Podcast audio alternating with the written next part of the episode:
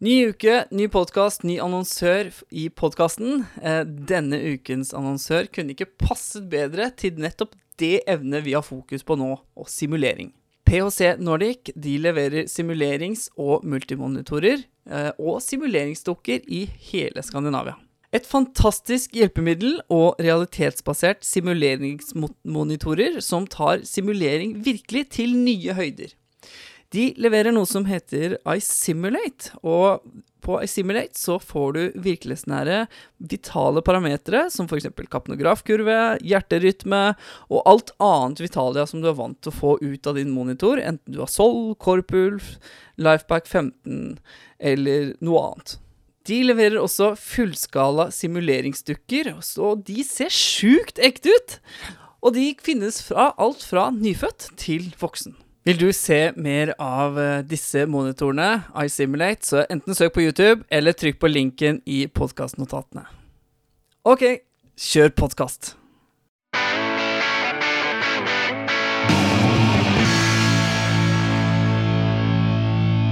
Vi har nå fokus på simulering og ferdighetstrening.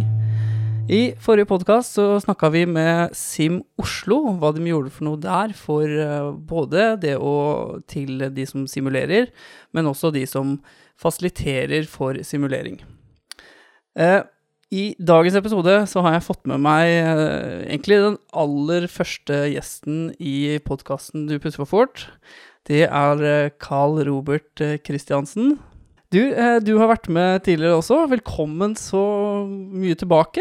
Du, Takk skal du ha. Jeg gleda meg masse. Ja. Veldig hyggelig å være tilbake. Og vi snakka jo om det i første episode, at vi skulle snakke om noe kanskje litt mer konkret og litt mer, litt mer faglig. Og den tiden har kommet nå.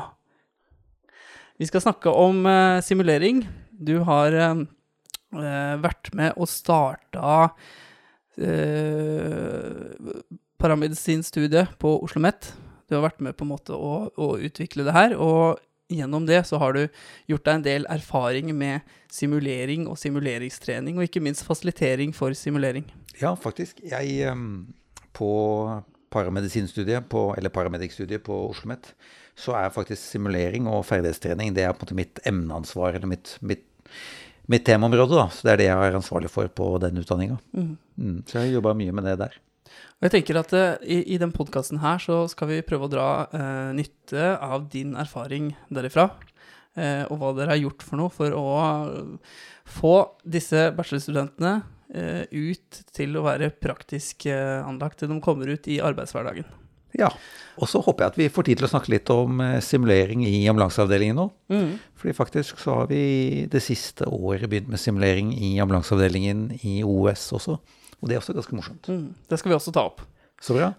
Men eh, la oss begynne med egentlig første spørsmålet. da. Eh, simulering, det har du drevet med litt sjøl. Erfaring derfra. Eh, hva slags erfaringer har du gjort selv i forhold til simulering, Karl Robert? Du, nå er jo jeg i den situasjonen at jeg utsetter jo andre for simulering. Men grunnen til at jeg gjør det, er jo fordi jeg har blitt sjøl utsatt for simulering og syns det har vært spennende, og ikke minst jeg syns det har vært utrolig nyttig. Uh, og jeg har hatt en del sånne aha-opplevelser. Uh, jeg har hatt noen sånne settinger med vold og trusler, hvor jeg har vært i scenarioer hvor jeg har øvd på vold og trusselsituasjoner, og så har det gått noen år, og så plutselig har liksom de, de situasjonene blitt vekket til live ute i gata. Og da har det vært utrolig nyttig, for jeg har på en måte fått en sånn type handlingsberedskap som jeg på en måte har dratt verktøy opp av kassa da, fra, fra simminga. Men også, jeg husker den aller første narkoseleggelsen jeg var med på barn ute i felt. Eh, og det var fem-seks uker etter at vi hadde øvd på det. Jeg hadde lært om narkoselegelse, prehospital narkose, eller RSI, da, som det kalles, på barn. Eh, og så kom jeg ut for min eh, første RSI på barn da, med, med legeambulansen i Oslo. Og så var det på en måte det var, jeg, jeg, klarer egentlig ikke helt å skille på om jeg var tilbake i simuleringssituasjonen eller, var, eller om det var på ekte, for jeg gikk på en måte bare rett inn i det SIM-modus og gjorde akkurat det samme. Mm. Jeg har faktisk hatt det med, hadde med intensivtransporter også. Jeg husker min første intensivtransport var akkurat det samme. Eh, litt sånn gruglede av meg til min første intensivtur. Og så skulle vi gjøre en intensivoverføring som skulle begynne med en henting på, på intensivene på Ullevål. Og så var jeg på en måte rett tilbake i simuleringa, visste nøyaktig hva jeg skulle gjøre. For jeg hadde jo på en eller annen måte gjort det før. Så jeg har hatt en del sånne opplevelser med simulering som har vært utrolig nyttig når jeg har møtt det ute i virkeligheten seinere. Mm. Og det er akkurat det der du prater om også, med, med, viktigheten av simulering, og det på en måte å kunne disse praktiske ferdighetene. Hvis ikke du eh, Hvis du har en kasustikk og du skal gjøre en praktisk ferdighet, og du kan den, og gjort den mange ganger på simulering, så er det en, en, en faktor som bare, bare, sitter der, og ikke eh, Da minsker det stressnivået ditt, da, egentlig. Det er akkurat det det gjør. Men jeg har lyst til å bare være litt mer presis på det. fordi det er mye mer enn ferdigheten. Ferdigheten er på mange måter bare en sånn en enkelthandling, eller en serie av enkelthandlinger. En sånn intubasjon er jo egentlig en serie av enkelthandlinger. Men simulering handler jo på en måte om hele situasjonen. Mer enn den fysiske handlingen. Men det skjønner konteksten og all, liksom, all informasjonen rundt, og de sosiale relasjonene og gruppa og teamet. Så handler det på en måte mer enn ferdigheten. Det handler liksom om det sosiale, om teamet om det medisinske, om, om, hva som er faglig riktig å gjøre, og om hver enkelt fysisk handling i tillegg, da, som er mm. ferdigheten. Mm. Så liksom, simuleringen er jo liksom summen av, av alt, da, egentlig. Uh, nå har du jobba lenge prehospitalt. Uh, hva slags, uh, eller hvordan har du i din prehospitale yrkeskarriere jobbet med simulering, da? Du, det er er jo liksom, må, må nesten begynne å definere litt hva simulering er også. fordi... Ja, for det kan kanskje litt. Nei, ja, ikke sant. Fordi, er, er, øving og simulering det samme, f.eks.? Ikke sant? Um, og, og, du har jo noen som er sånne purister, sånne som på en måte er eh, eksentrikere, nesten. Sånn, hvor simulering det handler på en måte bare om om teamtrening og, og liksom den ekte debrifingen, og alt skal være brifing, simulering, debrifing og liksom ja, ordentlig sånne purister. Og så er det noen som på en måte er har et litt mer løsere eller kanskje et rundere syn på simulering, som sier at egentlig all øving er simulering. Det er klart at det er jo ingen som bestemmer, ja. så det kommer litt an på ditt eget syn på ting. da, Men, men jeg, jeg, jeg, begynte jo som frivillig i Røde Kors. Og jeg må jo si at der hadde vi jo masse Vi kalte det for ringløyper, med masse små poster hvor man øvde på på situasjoner. Og det var jo en type simulering, det også.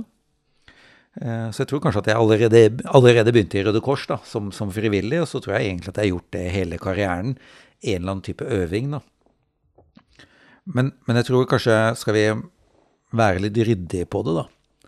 Så sier man jo typisk at simulering da, han, da handler det om mer enn ferdigheten. Det handler om å løse en, et oppdrag, en, en situasjon. Og det skal man typisk øve i et team. Om det teamet er to eller flere personer, det er ikke så innmari viktig, men du løser den vanligvis ikke aleine.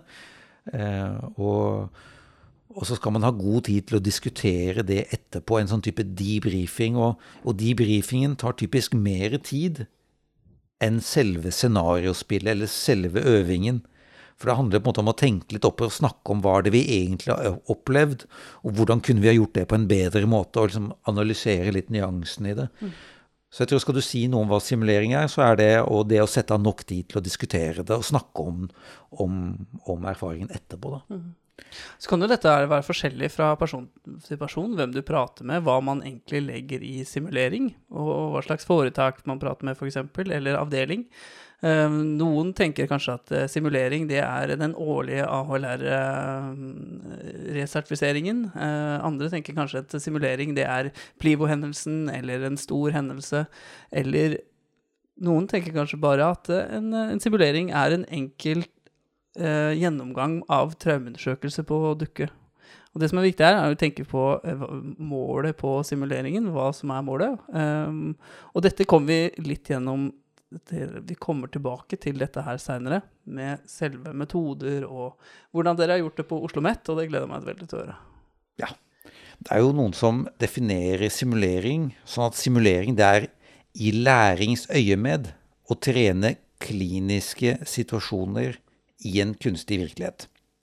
Og da betyr jo det egentlig bare å lage et scenario og øve det så tett på, så realistisk som mulig. Men, men, jeg tror de som driver med simulering, sier at det er ikke nok å bare øve noe så nært virkeligheten som mulig. Du må også sette av tid etterpå til å snakke om det. Mm.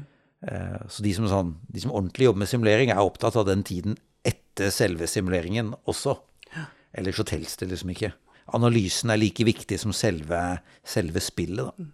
For du skal gjøre deg refleksjoner sjøl på hvordan uh, du har utført uh, arbeidsoppgavene dine, eller gjort ferdighetene dine, da. Ja, for ellers så blir det bare tankeløse handlinger. Mm. ikke sant? Og en handling er viktig, men du må ha en tanke bak den òg. Mm. Og, og, da må du tenke litt òg, da. Og det, ja. Vi skal snakke litt om hva dere har gjort på, på Oslo OsloMet. Um, hva dere gjør for noe der for å simulere um, Hva dere gjør i forhold til simulering. Og i den aller første podkastepisoden, Carl, så snakka du om uh, Så sier du at 50% av det vi gjør, det er teori. Uh, og 50% av det vi gjør, er også praktisk.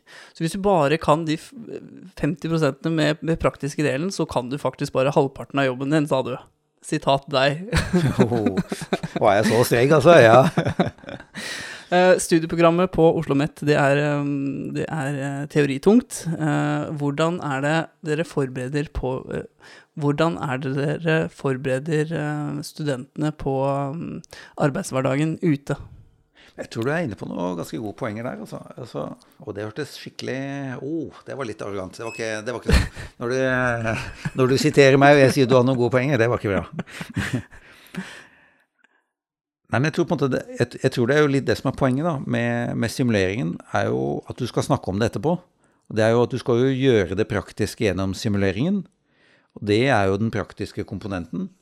Men så skal du snakke om det etterpå, analysere det, og det er da du på en måte prøver å forstå det i en teoretisk sammenheng. Så, så sånne simuleringssesjoner da, handler jo på en måte om å knytte de praktiske handlingene og situasjonen med det du har lest, med det teoretiske, sånn at du ser at det er en sammenheng mellom det. Og Det er derfor det er viktig å snakke om scenarioet etterpå. Mm. Så der er det jo en sammenheng. Men det vi sånn konkret gjør på Oslo OsloMet, er jo at vi har Typisk er jo at vi har temauker. Og da passer vi jo på at forelesningene ligger tidlig i uka. Og mot slutten av uka så får studentene scenarioer relatert til de temaene de har hatt forelesning om. Og så passer vi på å legge inn noen sånne selvstudiedager i forkant av simuleringen òg, så de får tid til å lese litt pensum også. Sånn at når de først kommer til simuleringsdagene, da, så, så, er de teoretisk litt forberedt. Og da, når de da gjør handlingene og får situasjonene, så er de litt forberedt på det og, og har noen knagger å putte det på. Da. Mm. Og da får vi skikkelig fine diskusjoner etterpå. Vet de i forkant hva som er f.eks. læringsmålet med simulering? I forkant? De vet de store temaene, for de vet hva temauka er. Men, men, typisk på en sånn SIM-dag så kan de få tre, fire eller fem scenarioer innafor det temaet. Men litt overraskelser er det jo innafor hvert scenario også. Mm. Det hender vi sier eh, hva læringsmålet er eh, i forkant, og så hender det at vi ikke gjør det. Det kommer på en måte litt an på hvilket tema det er, eller hva poenget med scenarioet er. Det er jo faktisk sånn at noen ganger så er jo overraskelsen også et poeng, da. Men um, kan ikke du ta oss og dra oss igjennom um, en, en, typisk uh, simulering? Uh, hvordan blir de brifet på forkant? Hvordan utfører de uh, simuleringen? Og hvordan er brifingen i etterkant? Ja. Du, jeg tror vi må se litt større på det, faktisk. For det er klart at det som er fordelen vår, er at vi har studentene i tre år. Og det betyr at de, vi får en kultur for simulering.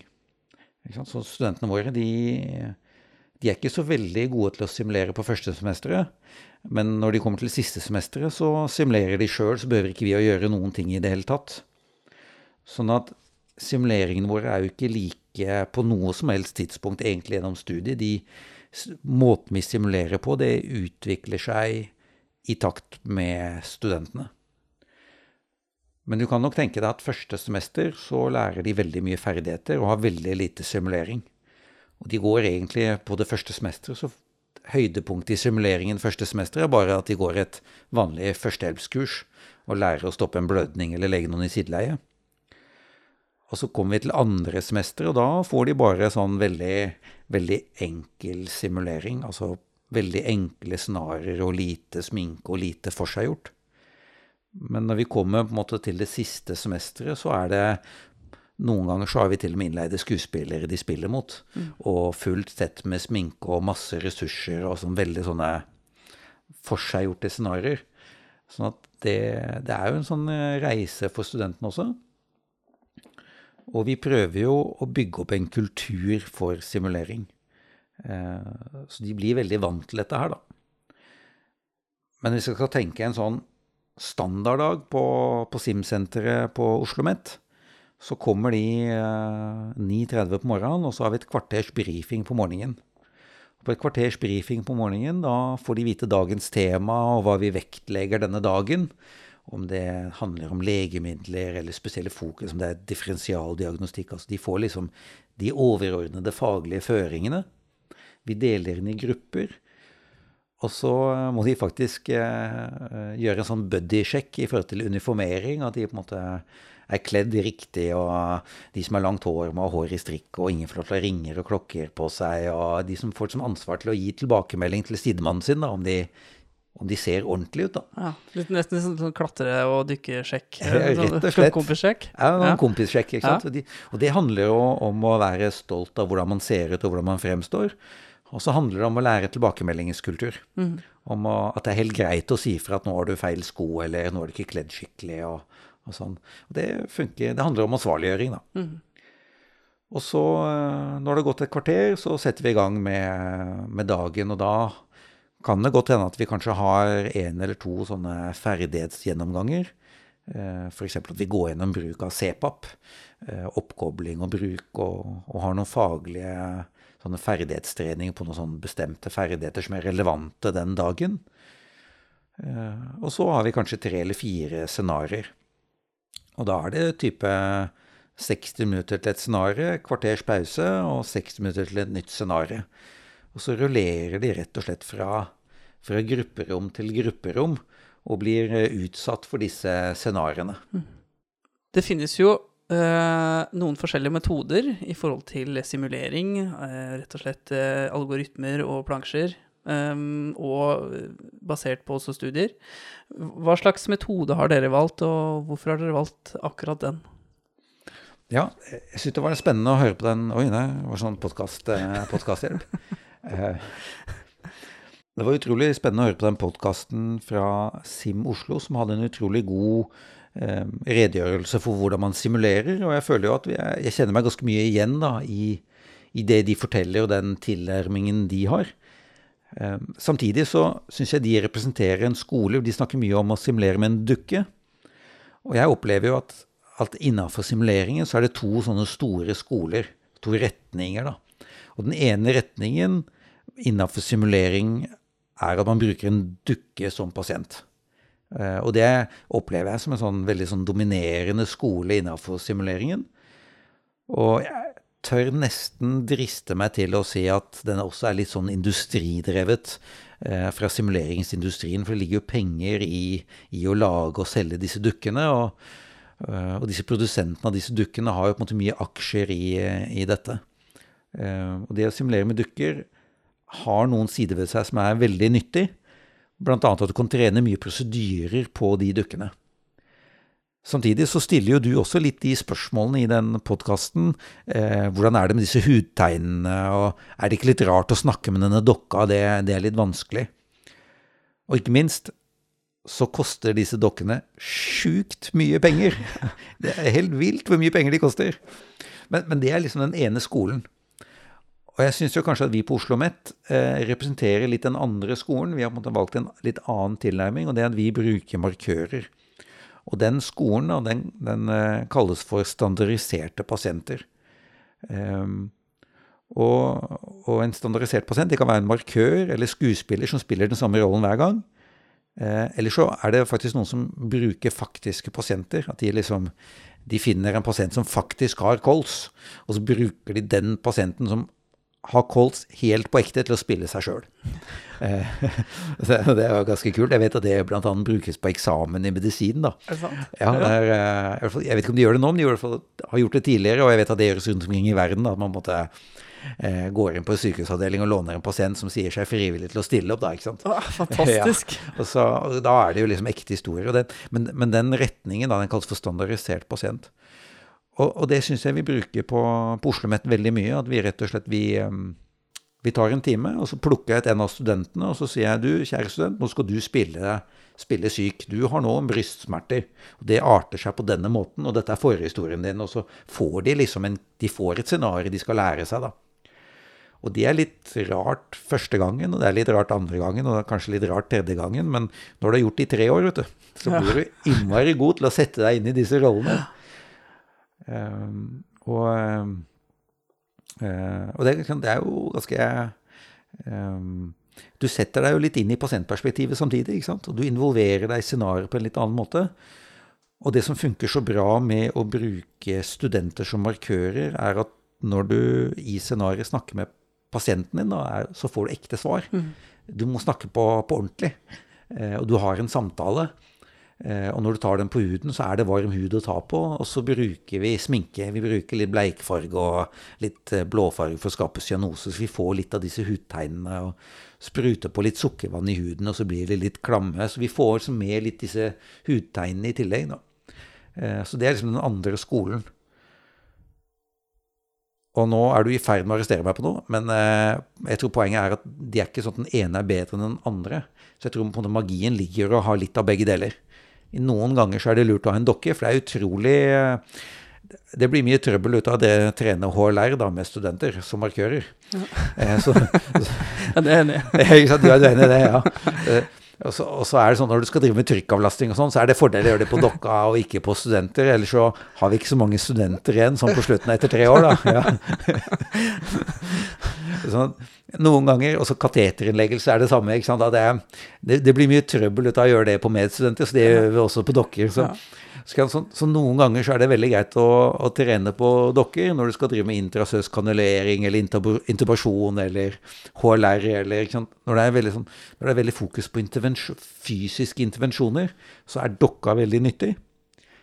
Mens kanskje spesielt på sånn sykdomskasuistikker, eh, hvor liksom samtale og dialog og, og, en del sånne ting er viktig, så er det ganske kult å kunne gjøre det på, på markører. Ja. Og det, det, er så viktig det du sier der i forhold til markerbruk og slikt, um, fordi um, jeg vet ikke hvor mange ganger jeg har hørt at det er så rart å prate til den dokka når jeg har drevet simulert, eller vært på uh, fagdager eller noe sånt noe, at uh, enten meg sjøl også sier at uh, vet hva, det er så rart å prate til den dokka, så dette blir helt rart. Når jeg er hjemme hos pasientene, så blir det på en helt annen måte. Så det å bruke markører tror jeg er en veldig god, god ting. Jeg har jo erfaring sjøl også med, med, fagdager der vi bruker markører, som vi skal prate om etterpå i forhold til hva vi gjør i OS. Og, og det blir en uh, Du er litt mer på. altså Du, du, du får liksom på en måte hele litt mer pasientbilde, rett og slett. Ja, jeg syns jo også det. Samt, samtidig, da, så og en ting vi ikke har snakka så mye om, som eh, kanskje er litt sånn touchy, da men, men, det å simulere krever noe av deltakeren. Eh, du må jo, det er litt ubehagelig å simulere. Du, du, blir sett på, du blir Jeg syns også det er litt Jeg er jo redd for å drite meg ut. Jeg er ikke noe glad i å drite meg ut. Jeg er en stolt fyr, ikke sant. Sånn at øh, Når jeg da simulerer, og det er en dokke, og så når jeg da gjør noe dumt eller ikke skjønner noe, så er det jo ganske deilig å skylde på dokka og si at det er kunstig. Ja, ikke sant? ikke sant? Det, er det. Det, er, litt forsvarsmekanisme i det òg, ikke sant. Og så, og så er det jo litt sånn at du må, når du simulerer, så må du gi litt av deg sjøl. Du må være med på leken. ikke sant? Og, eh, og, det er klart at også med en dokke da, så må du kanskje være litt mer med på leken. Det krever litt sånn innlevelse av deg sjøl òg, da. Eh, og jeg tror egentlig all simulering er litt sånn at du må, eh, du må gi litt av deg sjøl. Du må være litt med på leken. Og, og, noen av oss har lettere for å være med på leken enn andre. Mm. Og jeg tror kanskje at um, du er en ganske kul fyr, da, for du er så utrolig lite selvhøytidelig. ikke sant? Du er en skikkelig artig skrue. Eh, så jeg tror på en måte du har ganske lett for å simulere, fordi du, eh, du tar deg selv så litt alvorlig. Det, det er en gave, da. Og så har du sånne, sånn som meg, da. Jeg tar meg sjøl litt for alvorlig. Og eh, det er en av mine character flaws, da. Det er at jeg, jeg er litt redd for å dumme meg ut. Jeg er ikke noe glad i å drite meg ut, og da blir jeg litt reservert og litt redd og litt forsiktig. Da, da begynner alle disse forsvarsmekanismene å komme, da. Ja. Og det, det, gjør at det er litt vanskeligere for meg da, å leve meg inn i det. da. Men, eh, men, jeg tror de som har simulert mye, de, har, de har lettere Og det sa de faktisk i den Sim Oslo-podkasten også. at de som, Jo mer du har simulert, jo lettere er det å leve seg inn i settingen. Da er det plutselig ikke den der manglende hudtegn på dokka eller dårlig. Det er plutselig ikke så viktig lenger. For du har sånn lært deg teknikken. Og det er litt det vi prøver å få til med disse studentene på Oslo Met. At de har, øvd, de har simulert så mye at de lett lever seg inn i det. Og det som jeg tenker også er eh, en greie, er at dette er jo eh, Når du driver og simulerer, det er jo da du har lov til å drite deg ut. Du har lov til å drite deg skikkelig ut. Eh, du har mange i ryggen på deg, og så ja, Om du driter deg ut på den dokka, gjør det nå, da. Hvis det på en måte gir en læringskurve til resten av teamet som, som er rundt. Men, men allikevel, altså, det er jo litt rart. Det er jo det føles, Rent følelsesmessig så føles det verre ut å drite seg ut i en simulering når kollegaer ser det, enn når de gjør det hjemme foran en pasient, og bare makkeren din ser det. Ja. Det er ikke, ikke sikkert makkeren din ser det engang. Det er ikke sant, ja. Eh, så det er, noe, det er, noe, med det, da. ikke sant? Ja. At uh, vi skal dømmes av våre likemenn, og vi ønsker ikke å dumme oss ut. Men, men du har jo helt rett. Uh, det er bedre at vi gjør det, og det er det som er poenget med simulering. At vi, mm. at vi kan ta litt sjanser og dumme oss litt ut, og prøve ut litt i denne litt sånne kunstige, men trygge virkeligheten. da. Mm. Ja. Eh, det er jo uh, I et uh, simuleringsteam så er det jo flere deler. Du har markør, du har en som er pasientansvarlig, og så har du kanskje en makker, og så er det kanskje en som står og ser på. Kan du fortelle litt i forhold til de forskjellige delene, hva, i forhold til læringsmål og litt sånne type ting? Hva på en måte Markøren, hva, hva kan den lære av en, en simulering?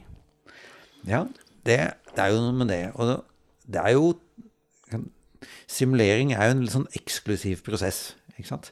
Skal du kjøre et skikkelig scenario med en god debatt etterpå, så, så tar jo det en time. ikke sant? Du bruker noen minutter på brifing og klargjøring, og så varer simuleringen 10-15-20 minutter kanskje, og så bruker du en halvtime på å diskutere det. og og Det er klart at det betyr at i løpet av en dag så klarer du kanskje bare tre-fire sånne scenarioer. Og det er klart at Har du en gruppe på fem-seks, så er det ikke plass til alle hver gang. Og da må noen stå og se på.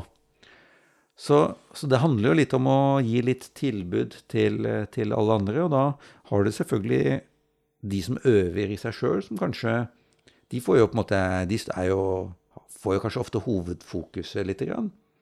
Og får veldig sånn De er jo under handlingstvang og blir satt litt under press om å ta avgjørelser og kjenne på en måte litt på Få litt høy puls, da, ikke sant. Men du skal ikke kimse av det å være markøren og oppleve pasientperspektivet. Um, vi, eh, jeg har en kollega og en, en fasilitator som vi, vi kjørte et, et scenario på en, på en, fagdag. Nå skal ikke jeg nevne navnet hans, men han, eh, han uh, gjorde noe interessant. Han skulle spille pasienten, og så bestemte han seg for å lukke øynene gjennom scenarioet og bare høre etter hva det var som ble sagt. Mm. Og det er klart at Han gjorde seg en del, han, han kommenterte det etterpå. Sånn at det ble sagt en del ting i bakgrunnen, og ordvalgene som ble tatt, var eh, Så han kjente veldig på det da, da han spilte den pasienten. Han fikk det på det litt det pasientperspektivet. Og gjorde seg en del tanker om hvordan han skal stille spørsmål neste gang. Så det er noe med å kunne sette seg inn i pasientrollen. Og det samme gjelder jo observatørene. Det gjelder jo å gi de som de som ikke har en konkret oppgave i scenarioet, som da på, en eller annen måte blir litt til overs, de får jo litt sånn fugleperspektiv. Hvis du får dem til å se etter bestemte ting, da, f.eks. samhandlingen mellom makkeparet eller evnen til diagnostikk, eh, så, så får jo de litt det der utsideperspektivet som, som ofte kan være ganske nyttig, det òg, da. Så, men, men, det handler om å ha liksom spesifikke oppgaver, så du vet hva du skal se etter. Det tror jeg kanskje gjelder alle deltakerne av, mm. av simuleringen. Mm. Må ikke glemme at de som øver, ofte har litt skylapper, så de får ikke med seg alt. Og Det er der observatøren kommer litt inn i bildet. da, ikke sant? de, de, er, de, har ikke den samme høye pulsen, så da har de heller ikke de samme skylappene, og, og, og har på en måte litt tid til å se ting i litt større bilde. da. Ja. Og det har jeg merka mange ganger eh, selv. Hvis man kommer inn som eh, bil nummer to på en, eh, en case, eh, så, så, ser man jo på en måte Man ser litt i fullperspektiv, og man vet hva man skal fram til, og hvorfor man er der, kanskje. Gjør det lett nå med en hjertestanssetting.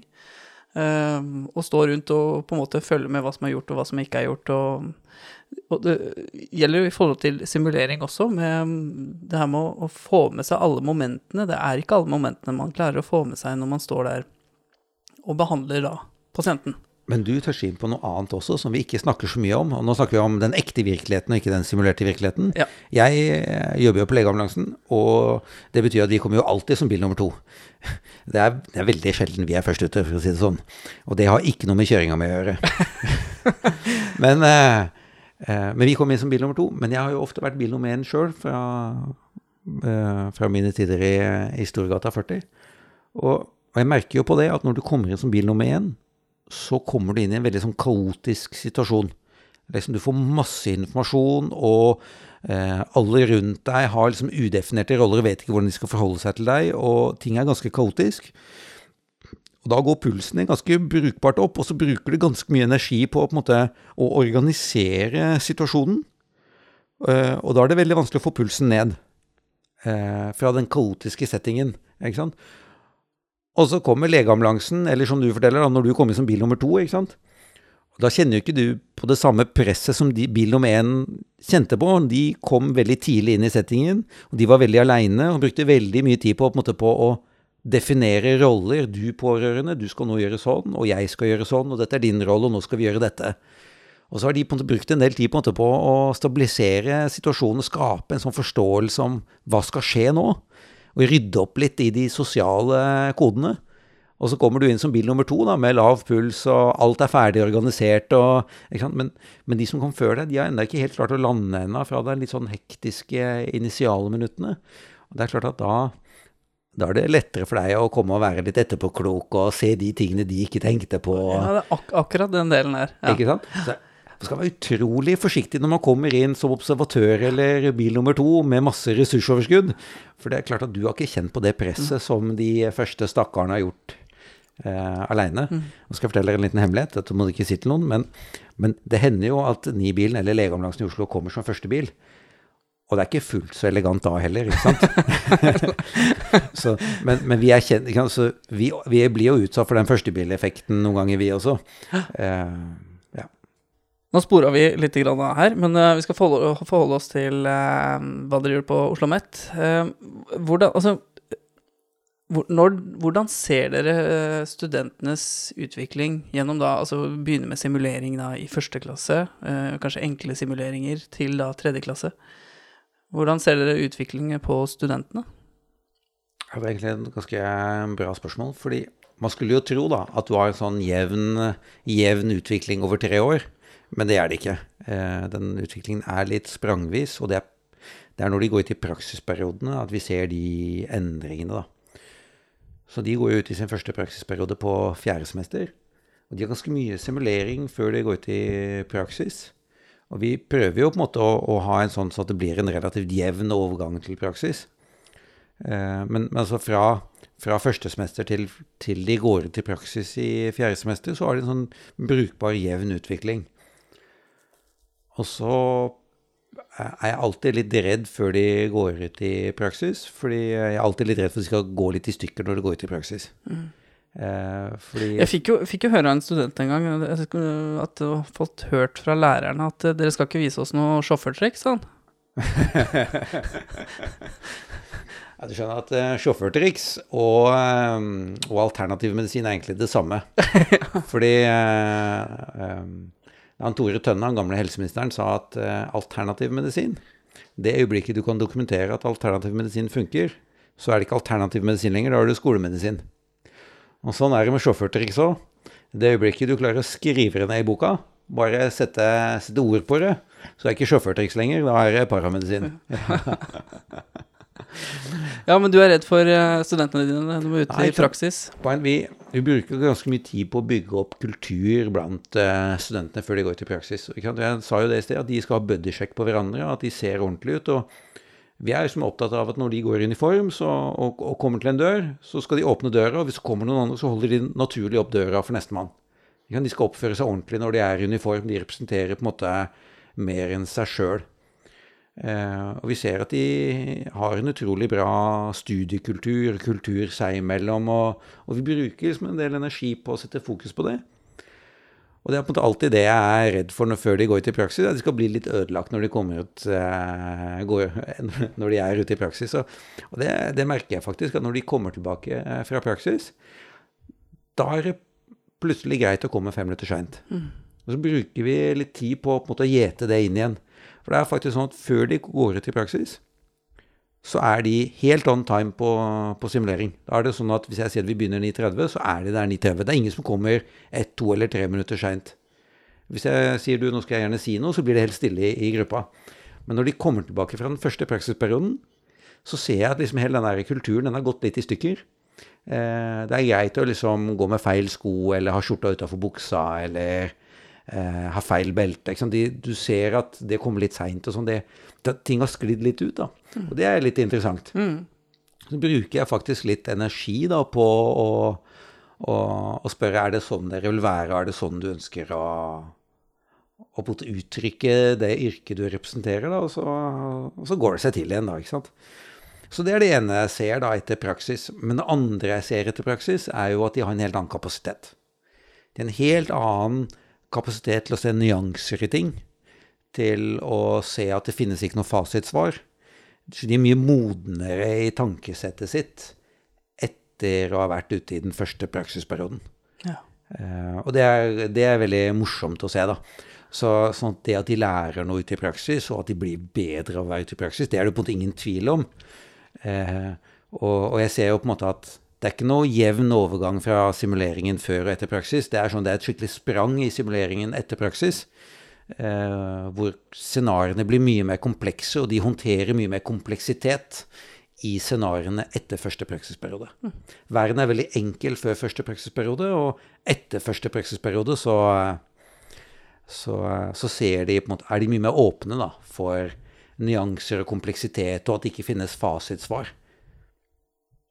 De, altså de er mer reflekterte, nesten, rett og slett? da, eller? Ja, ja. ja. Helt, helt klart. Ja. Så Men, både godt og vondt da, med å gå ut i praksis. Ja, ikke sant. det er skremmende det du sier med å at, at du er litt redd, da, i forhold til ja, skjorta og utafor og henger og for seint på jobb og Men vi, vi, må tørre å snakke om de vanskelige tingene òg. Vi, ja. vi, kan ikke bare snakke om de tingene som gjør oss lykkelige. Vi må tørre å snakke om de tingene som vi syns er litt problematiske òg, da. Ja. Ikke sant? Du, vi skal videre. Um, når er det du ser at uh, studentene føler mestring i simulering? Du har ikke vurdert å spørre studentene om det, ja? Ja, det skulle jeg nesten gjort. Ja, jeg tror det. Fordi ja. Eh, det med å føle mestring Men du må jo se en eller annen utvikling. Ja. Eh, du må jo se utvikling, og når på en måte den føler at 'Å, det her mestra jeg'. Ja. Men du skjønner, de studentene er sjukt selvkritiske, vet du. De jobber beinhardt og vil være flinke, og i det å være selvkritisk så altså, Det er veldig individuelt, det å føle mestring, altså. Eh, noen har jo høyt selvbilde og lav selvinnsikt, og de føler mestring fra første dag, ikke sant. Og så er det andre som er eh, setter standarden sin veldig, veldig høyt og vil sjelden føle mestring. Så det mm, er vanskelig å svare på. Altså. Mm. Det, det, du, det, er et veldig personlig spørsmål du nesten må spørre ja. studentene om. Men hvis vi går videre da til eh, fasilitatorer ja, du, Jeg er ikke helt ferdig, kjenner jeg. Okay. Vi er jo litt sleipe, vi som driver med simulering òg. Og det er noe med at en, vi skrur jo til scenarioene og simuleringen med progresjonen på studentene. De får ikke det samme scenarioet på første semester som de får på siste semester. Vi gjør det jo vanskeligere for hvert semester. Så målet hele tiden er at det skal være noe å strekke seg etter. ikke sant? Det skal være oppnåelig, men det skal være noe å strekke seg etter. Mm. Og sånn er livet og virkeligheten ikke sant. Og, og, og, det vil jo også påvirke mestringsbildet, da. Mm. Men, men, det er klart at det faktum at vi gjør det vanskeligere for hvert semester, er jo også en måte å vise at at de har en utvikling på. Da. Mm. Ok. En stor del av um, selve simuleringen er jo det her med fasilitatorer.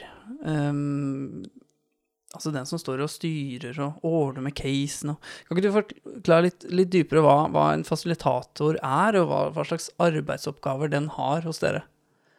Altså, en, en fasilitator, bare hør på ordet fasilitator. Hva betyr fasilitator? Altså, en fasilitator er jo egentlig, det betyr jo bare tilrettelegger en som legger til rette for læring.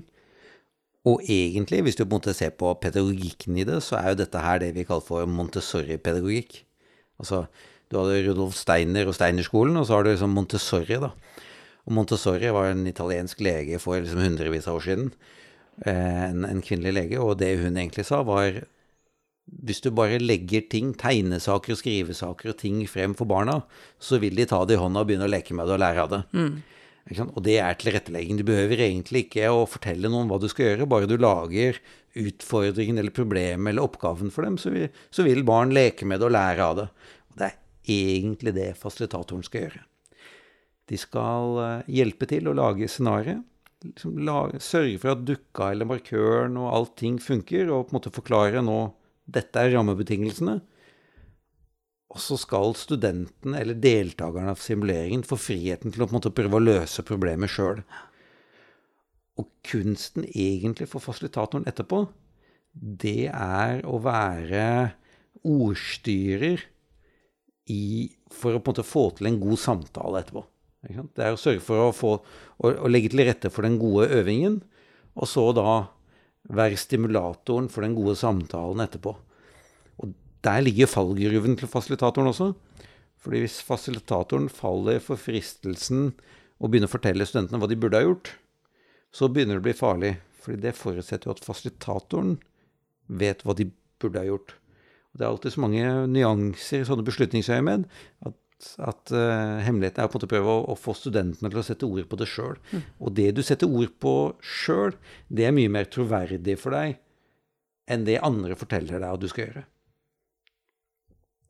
Så det er vel kort oppsummert jobben til fasilitatoren. Egentlig bare legge til rette for et godt scenario, eller en god øving, og legge til rette for, for eh, en god debrief etterpå, da, gjennom liksom, sånne forløsende, gode spørsmål. da. Hva slags krav stilles til deres fasilitatorer, da? Nei, så vi, vi ønsker variasjon hos våre fasilitatorer. Vi ønsker ikke å bare ha gamle ringrever. Og vi ønsker ikke å bare ha nyutdanna og ultraferske paramediker. Vi ønsker liksom å ha noen som akkurat har gått ut fra Oslo OsloMet. Vi ønsker noen ringrever, vi ønsker noen kvinner, noen menn, noen fra distriktet, noen fra sentrale områder. Jeg tror det er viktig at vi har litt sånn variasjon i, eh, i gruppa vår. da. Så ønsker vi å ha litt takhøyde hos oss. Og det tror jeg på en måte er det viktigste. Uh, og så prøver vi å sørge for at alle våre fasilitatorer får et fasilitatorkurs. Og så prøver vi å følge dem opp individuelt. Mm. Eh, og det er en kjempejobb, og der har jeg nok uh, der er det, Jeg skulle gjerne ønske at jeg kunne fulgt opp mye mer enn det jeg gjør, da. Jeg, hvis det er en, i avdeling for mine dårlige samvittigheter, så er det kanskje oppfølgingen av mine fasilitatorer. Ikke sant? Det er at altså Jeg skulle vært mer til stede, så de fikk mer tid til å utvikle seg, da. Ja. Det første bachelorstudiet starta i 2014. Det betyr at dere har holdt på da i seks år med, og har erfaring i seks år med simulering. Um, jeg tipper jo at dere ville gjort en del endringer i løpet, av de seks årene. Um, hva er det dere har sett, uh, og hva slags endringer har dere eventuelt gjort for å bedre studentenes simulering? Ja, vi har gjort, vi har gjort ganske mye endringer, kanskje spesielt sånn på detaljnivå. Vi har spissa scenarioene. Jeg tror nok vi har vært også flinkere til å, å gjøre scenarioene mot slutten av studiet mer detaljrike og komplekse. da. Liksom å øke realismen i dem. Eh, så, så, jeg syns jo på mange måter at, at, um, at forbedringsprosessen har vært kontinuerlig. Eh, jeg føler nok også at det er mange mange ting som fortsatt ligger foran oss, som jeg ser at vi må jobbe litt med. Eh, som vi snakka om tidligere, at vi bruker veldig mye markører i vår simulering. Eh, og det syns jeg er veldig bra, men jeg ser jo også at vi helt klart har potensial for å bruke mer dukke for å på en måte utvide repertoaret på, på, den siden av simuleringen, for å øke bredden. da. Så jeg ser at det, det tror jeg kanskje er en sånn fremtidig ting å ha litt fokus på. Og så ser jeg også at vi eh, Det å øke realismen på en del sekvenser, på en del både kompleksitet og realisme i en del eh, scenarioer, det har vi nok også behov for. Kanskje særlig sånn på kontekstsiden. Det å ha skikkelige leiligheter, eller liksom hvor, hvor det ikke bare handler om pasienten, men, men hele, liksom, hele, situasjonen rundt. da. Der har vi en del å utvikle oss på. da. Så hvis det er noe jeg tror vi skal jobbe videre med, og som vi, vi har jo for så vidt jobbet med, men jeg ser at der er det vesentlig mer å hente, så er, ligger det i det kontekstuelle, da. Mm. Eh, Det at man kanskje må kjøre bil fram til en faktisk adresse, og på den adressen er det en reell leilighet med flere rom inni, og, og liksom, det ligger liksom masse kompleksitet og, og, og innhold i det, da. Den forberedelsen på vei ut. Det tar tid å gå ut av bilen, hente utstyr, gå opp trappa. Hva tar du med inn. deg, og hva ser du på veien sant? inn? Ja. Samtidig, da. Noe skal man lære i praksis òg. ja. Også? Jeg hører jo fra studentene at de skulle lært mer på simulering før de kom ut i praksis, men på, en annen, på den andre siden så De skal jo lære noe i praksis òg. Absolutt. Absolutt. Ja, så det er noe å finne en balansen mellom hva skal du lære på simmingen, og, og hva skal du lære på ekte, da. ikke sant? Så det er jo en balanse, det òg. Ja. Men, men jeg føler at her, eh, kanskje særlig på det kontekstuelle og, og kompleksiteten og realismen, der har vi litt å jobbe med, og litt mer sånn dukke, dukkesimulering. Vi, vi har veldig mye markørsimulering, så det å liksom utvide repertoaret på den andre siden, det, det tror jeg vi er modne for, da. Mm. Utstyr, da. Ehm, dere har en del eh, utstyr på Oslo OsloMet. Uh, hvordan bruker dere Altså, hva slags, hva slags utstyr har dere uh, til eh, Hva slags tilbud har studentene, og hvordan bruker dere utstyret? Ja. På den ene siden så har vi da selvfølgelig det akuttmedisinske utstyret, altså behandlingsutstyret. Og, og det er helt, helt standard behandlingsutstyr du finner i enhver sykebil. Eh, bortsett fra at vi har bytta ut eh, legemidlene med natriumklorid eh, hetteglass, da. Hvor vi har satt på, satt på etiketter. Men så har vi kanskje litt mer det der SIM-tekniske utstyret.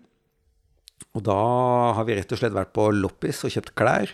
Ja. Vi har gått og kjøpt klær etter søppelsekkmetoden, som vi bruker som markørklær. Og så har vi vært på eBay og handla parykker. Eh, sånn at liksom når, når markøren skal se ut som en pasient, så har de på seg en eller annen rar skjorte eller frakk vi har kjøpt på loppis og en, en parykk. Og så har vi eh, vært på sminkebutikk og kjøpt masse markørsminke, så de er litt bleike og klamme og blør litt og, og blå på leppene. Eh, og så har vi litt sånne attrapper, sånn at de, de må faktisk Vi setter på sånne attrapper på hånda og på skulderen til, eh, til markørene, så de, de må faktisk sette intramuskulære injeksjoner hvis, i denne attrappen. Og så må de venekondolere sånne attrapper på, på håndleddet, så de, må, liksom, de får blodsvar og må injisere legemiddel i, i PVK-en når de, når de venekondolerer. Eh, og så har vi noe som eh, Vi bruker sånne multimonitor defibrillatorsimulatorer. Og, og der finnes det to, to store aktører på markedet. Det ene er iSimulate, og det andre er noe som heter Cube, eller Cube Series. Så på, så på Oslo Met så bruker vi noe som heter iSimulate, som rett og slett eh, simulerer en, eh, en multimonitor defibrillator à la Corpuls eller Lifepack. da. Som, vi, som jeg kanskje tror er den viktigste komponenten faktisk i hele simuleringen, er akkurat denne multimonitor-simulatoren eh, iSimulate. For det, viser rett og slett når du trykker på vitale, Vitalia, som f.eks. blodtrykk, da tar det den tida med å ta blodtrykk. Altså han blåser seg opp, eller han blåser seg ikke opp selve mansjetten, men du, han men du får denne lyden, ikke ja, sant? Der, blå, du hører at den blåser seg opp, og du må huske å trykke på knappen, og så tar det 30 sekunder før du får blodtrykket, og du må huske å sette på liksom, saturasjonsproben for å få liksom, en saturasjon. Ja. Så alt kan disse små Du må legge på EKG for å få ut EKG. Så Ja. dette her er sånne momenter da, som man på en måte er Det er veldig fort gjort å si at jeg har lagt på EKG, kan jeg få et EKG nå? Istedenfor å på en måte legge på et EKG og bruke den tida og se faktisk hvor lang tid det tar. Det tror jeg er ganske viktig, altså. Jeg tror det er kjempeviktig. Akkurat det eh, I gamle dager så ble det jo nesten bare sånn ordspill, disse simuleringene. Vi sa høyt hva vi gjorde, og så ble vi fortalt hva vi så. Eh, men nå må de faktisk fullføre ting fullt ut. Sette på blodtrykksmansjetten. Og, ikke minst da når de skal flytte pasienten fra, fra senga, eller fra, fra stolen over til ambulansesenga. Så må de jo faktisk er, Alle disse kablene sitter jo på, så de har all den logistikken med kabler og ting som henger fast og ikke sant. Så de får med seg alle disse små, små, små detaljene, da. Utrolig eh, koselig at du ville være med i podkasten igjen, eh, Carl. Um, og ha fokus på simulering. Det er viktig nå. Du plutselig for fort setter fokus på simulering, og jeg håper at det er mange nå som, eh, som eh, ser seg villig til å begynne å simulere mer enn man, man, man kanskje gjør i dag på, på ambulansestasjoner eller fagdager eller ja. I neste episode så skal du også være med. Ja. Vi skal snakke om eh, hva man gjør i eh, OS nå eh, i forhold til simulering. Der er du en av hovedinstruktørene og pro, pro, motor for selve denne delen av fagdagene da, og simulering. Det stemmer det. Vi har starta et SIM-prosjekt i OS, eller Det store sykehuset i Oslo, som jeg kaller det. Og det gleder jeg meg til å til å komme tilbake og snakke om. Så det gleder jeg meg til. Eh, og for nå, så takk for nå. Og så takk for at du var med, Carl. Takk skal du ha. Så prates vi neste episode. All right.